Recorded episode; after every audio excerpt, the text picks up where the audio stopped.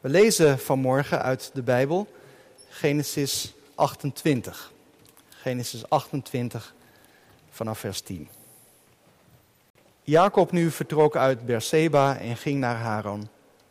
Hij bereikte de plaats waar hij overnachtte, want de zon was ondergegaan. Hij nam een van de stenen van die plaats, maakte daar zijn hoofdkussen van en legde zich op die plaats te slapen. Toen droomde hij en zie, op de aarde stond een ladder waarvan de top de hemel raakte. En zie, de engelen van God klommen daar langs omhoog en omlaag.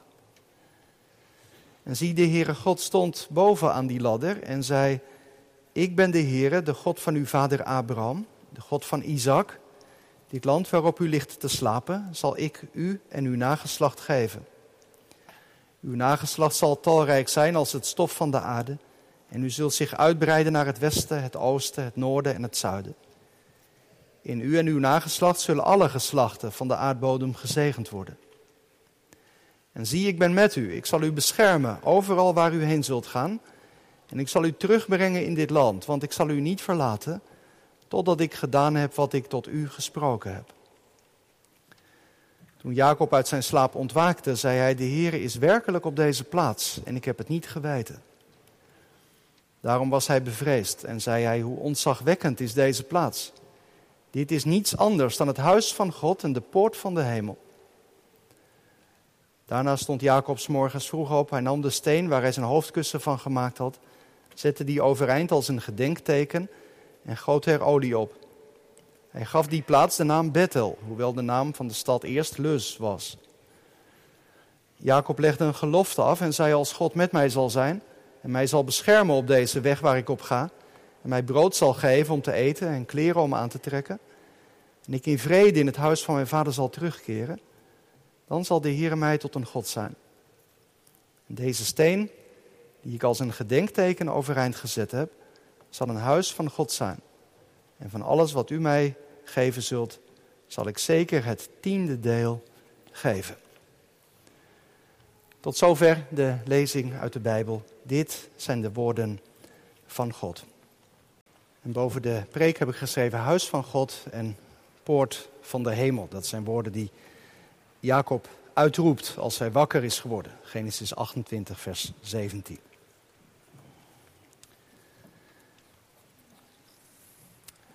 Gemeente van Christus, wij komen vanmorgen iemand tegen die op de vlucht is. Jongens en meiden, ik denk dat jullie allemaal wel eens mensen hebben gezien die op de vlucht zijn. Op de televisie beelden van mensen die uh, lopen met hun meest belangrijke spullen. Oude mensen, moeders met babytjes, jonge mannen, kinderen. Omdat ze op de vlucht zijn voor oorlog of voor honger. Of omdat er een overstroming is geweest of een aardbeving. Dat moet echt vreselijk zijn hè, als je daar even over probeert na te denken. Dat je opeens uit Gouda weg zal moeten en alles wat je vertrouwd is achterlaat dat je maar een paar spulletjes mee kunt nemen. En dat je ergens naartoe gaat, ja, je weet eigenlijk niet eens waar je naartoe gaat. En waar je terecht komt. Een heel onzekere situatie. Nou, vanmorgen hebben wij gelezen over Jacob. En Jacob is ook zo'n vluchteling. Hij heeft alles achtergelaten en is op reis gegaan. En wie, nou ja, er zijn zoveel kinderen, ik durf nu wel een keer te vragen. Ehm, wie weet waarom Jacob op de vlucht gaat? Wie, wie zou dat durven te zeggen? Wie weet waarom Jacob op de vlucht is gegaan? Was er een aardbeving geweest of zo? Wie weet dat? Ja, zou je het willen zeggen? Sorry? Voor zijn broer. En hoe heette zijn broer? Esau, ja, dat klopt.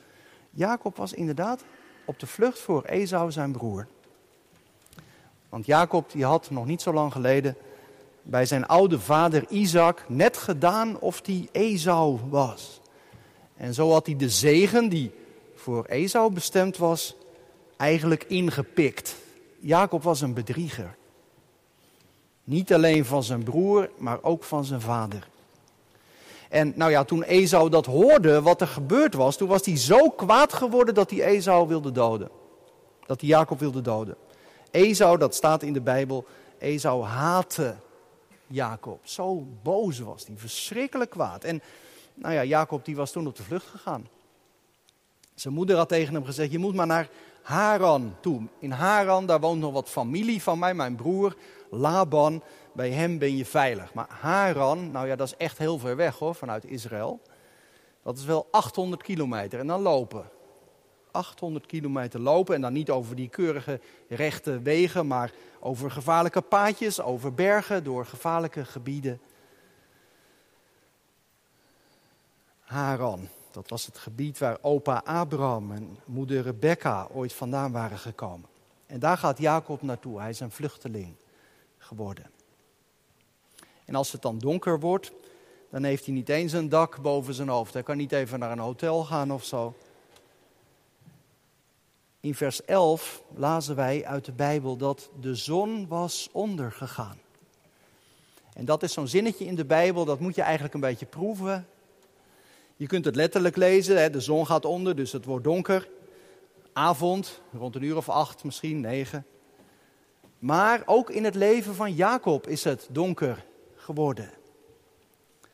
Eigenlijk alles is hem uit handen geslagen. Hij gaat nu uit het land van de belofte weg.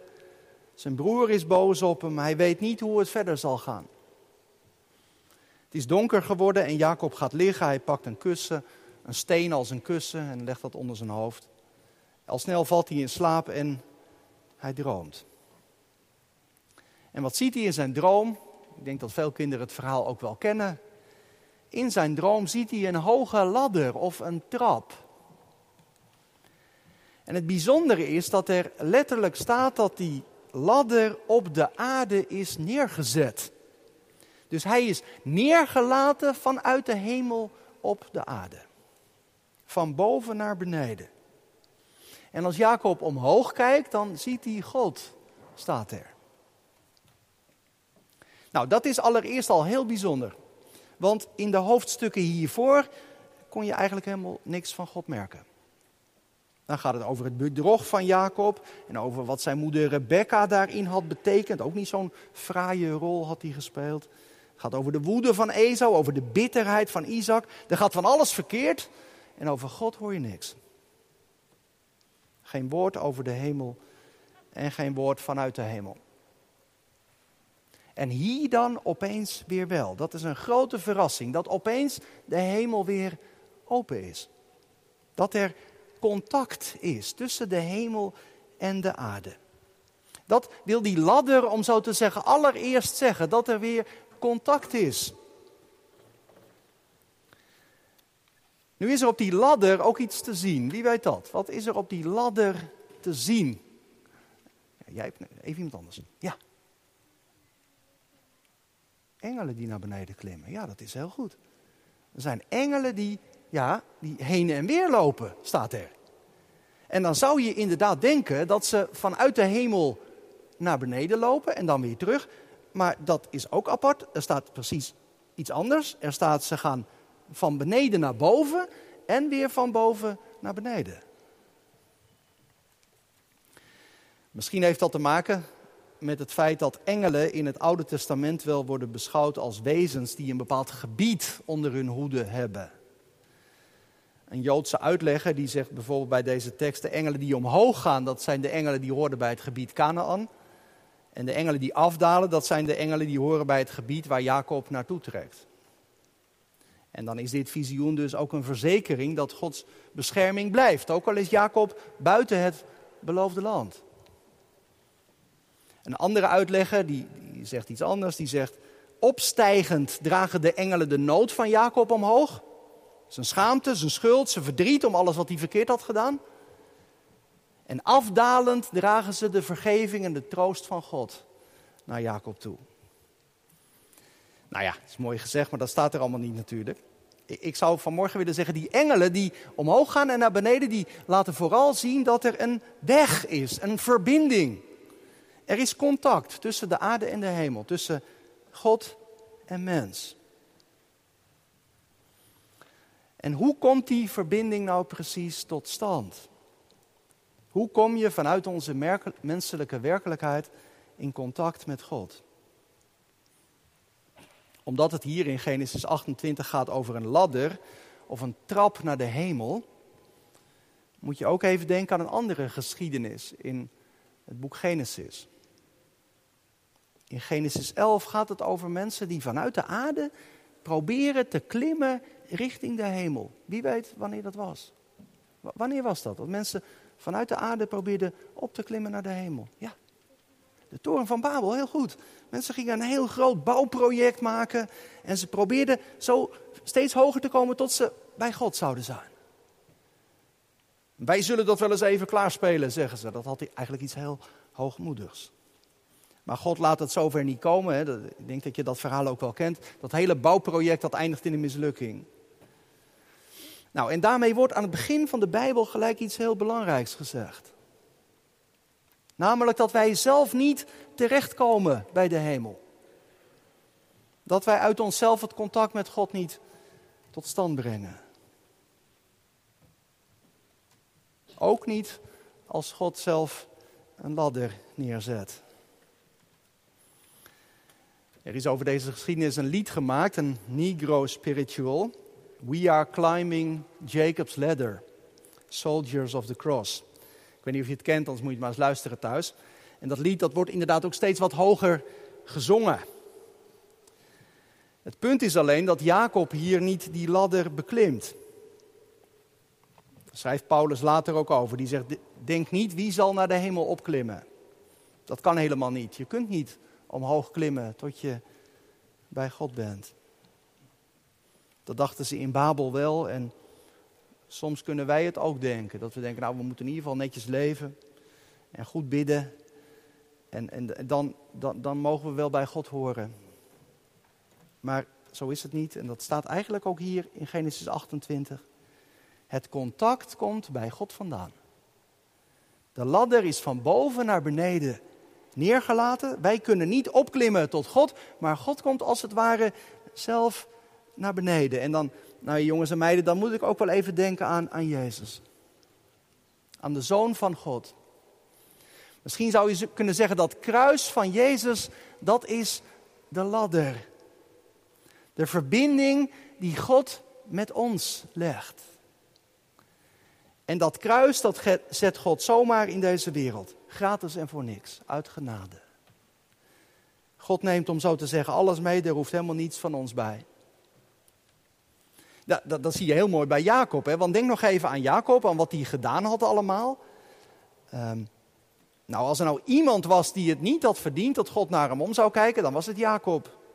Had er echt een verschrikkelijke puinhoop van gemaakt, zouden wij zeggen. En toch, God zoekt contact.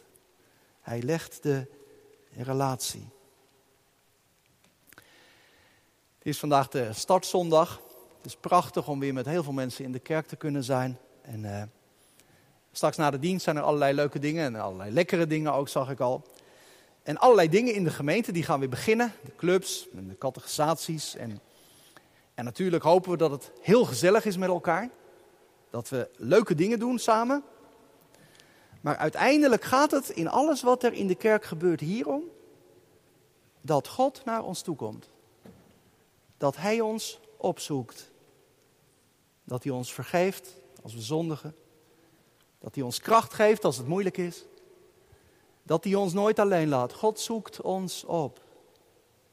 Terwijl hij ook wel weet wat wij zijn en hoe wij zijn. Dat hij ook wel weet dat wij ook soms dingen kunnen doen die, die helemaal niet horen bij God en bij een leven met God. Maar God zoekt ons op. Er staat dat God bovenaan die ladder staat. En uh, dan moet ik dan, als ik dat dan lees, denk ik, nou ja, wat zou Jacob nou hebben gezien, hè? Wat zou hij nou hebben gezien? Er staat dat God bovenaan die ladder staat. Zou hij een heel fel licht hebben gezien of, of iets anders? Uh, nou ja, dat staat er eigenlijk helemaal niet. Dus dan denk ik, nou dat is dan waarschijnlijk niet zo heel belangrijk wat Jacob gezien heeft. Wat wel belangrijk is, is wat God zegt. Dat gebeurt eigenlijk steeds weer in de Bijbel, dat God spreekt. En nou, nou, nou zat ik even te denken, wat zou God nou tegen Jacob gaan zeggen? Ik zou me heel goed kunnen voorstellen dat God het eerst eens even goed zou gaan hebben over al die dingen die Jacob niet goed had gedaan. Of dat hij misschien wel zou zeggen, nou nee, maar zo kunnen wij niet verder met elkaar. Dat kan niet meer zo, Jacob. Ik, ik ga wel met iemand anders verder. Je moet het maar uitzoeken nu. We nemen nu afscheid. Hier scheiden onze wegen. Maar dat gebeurt allemaal niet. In plaats van dat God Jacob veroordeelt of heel boos wordt, gaat hij vijf hele mooie dingen zeggen. Ik zal ze even heel kort noemen. Vanaf vers 13. God zegt tegen Jacob: Dit land is voor jou en voor je nageslacht. En het tweede wat God zegt: Jouw nageslacht zal zo groot worden als het stof van de aarde. En het derde: In jouw nageslacht worden alle geslachten van de aarde gezegend. En het vierde: Ik zal je behouden en ik ben overal met je. En vijf, ik zal je hier eenmaal weer terugbrengen. Dus eigenlijk zegt God tegen Jacob: Jacob, ik ga door met mijn plan. En jij mag daar nog steeds deel van uitmaken. Ik ga verder met jou, ondanks alles wat je verkeerd hebt gedaan. Twee dingen die ik er even dan apart uitlicht. In de eerste plaats klinkt weer precies dezelfde belofte die eenmaal zijn grootvader Abraham had gekregen. Vers 14 staat hè? in jouw nageslacht zullen alle geslachten van de aarde gezegend worden. Dan gaat het uiteindelijk om de komst van de Messias, zou je kunnen zeggen. De redder voor alle volkeren, voor iedereen. Jezus Christus. Zijn kruis zal redding brengen voor alle volkeren, ook voor ons.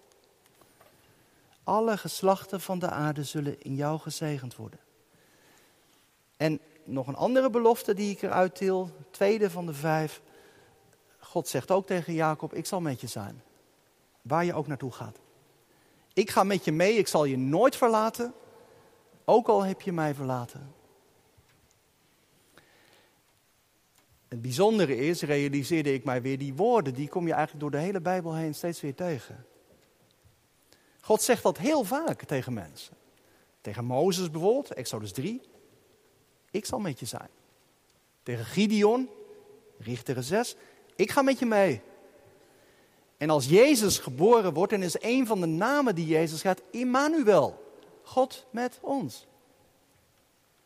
En, en als Jezus teruggaat naar de hemel, dan zegt hij nog als laatste: Ik ben met jullie alle dagen, tot aan de voleinding van de wereld. Ik ben met u, ik ben met jou. Denk nog even aan Saar in het ziekenhuis. Saar die merkte, God is erbij. En zo is het nog steeds. Hij is er. Als je naar school gaat, als je werkt, als je verdrietig bent of blij, in vreugde en in dankbaarheid. Ik ben nabij, zegt God. Nou, en dan wordt Jacob wakker. En dan denkt hij, jongen, wat is er nu toch gebeurd? Wat heb ik een bijzondere droom gehad en wat is dit een bijzondere plaats? Hoe ontzagwekkend is deze plaats, zegt Jacob. Dit is niet anders dan een huis van God en een poort naar de hemel. Dat woordje plaats is sowieso belangrijk hier. Wordt wel vijf keer gebruikt in dat korte stukje dat we lazen. En daarmee wordt heel duidelijk gezegd dat God zich ook heel concreet bekend maakt. Op een concreet plekje op aarde. En Jacob die markeert dat ook. Hij zet een steen neer, de steen waarop hij gelegen heeft met zijn hoofd. En hij zegt, dit is een gedenkteken. En hij zalft die steen en hij geeft die steen ook een naam. Bethel. Nou ben ik, dat weten sommigen van u wel, nou ben ik bijna negen jaar dominee geweest in een kerk met de naam Bethelkerk. Er zijn tientallen kerken in ons land met die naam. Het is natuurlijk een prachtige naam voor een kerk. Een huis van God, kerk. En ook als de kerk een andere naam heeft, zoals de Sint-Jan, of, of, hoe een kerk ook heet, dan kunnen we het zomaar zeggen. De, de kerk, dat is het huis van God. Dat is de plaats waar je Hem kunt ontmoeten. Maar goed, je zou ook kunnen denken, ja klopt dat wel? Eh, Jacob die zegt niet voordat hij gaat slapen al, ik noem deze plaats Huis van God, Poort van de Hemel. Hij zegt het pas achteraf, als God zich bekend heeft gemaakt. Hoezo zou je de kerk huis van God noemen? Wij kunnen toch niet over God beschikken of zo? Wij kunnen toch niet garanderen dat God in ons midden is? Nee, dat is zo. Maar gemeente, wij mogen daar wel op vertrouwen. Jezus heeft dat zelf gezegd, toch? Als er twee of drie mensen vergaderd zijn in mijn naam, dan ben ik daar in het midden. Daar gebeurt het, ook in ons nieuwe seizoen. Als wij samenkomen in de kerk, als je thuis verbonden bent met de diensten. Als we als Bijbelkring bij elkaar komen. Als de gebedskring bidt voor zendingswerkers. Daar gebeurt het. Dat God door zijn geest aanwezig is. Denk nog even aan die tekst waarmee ik de dienst begon.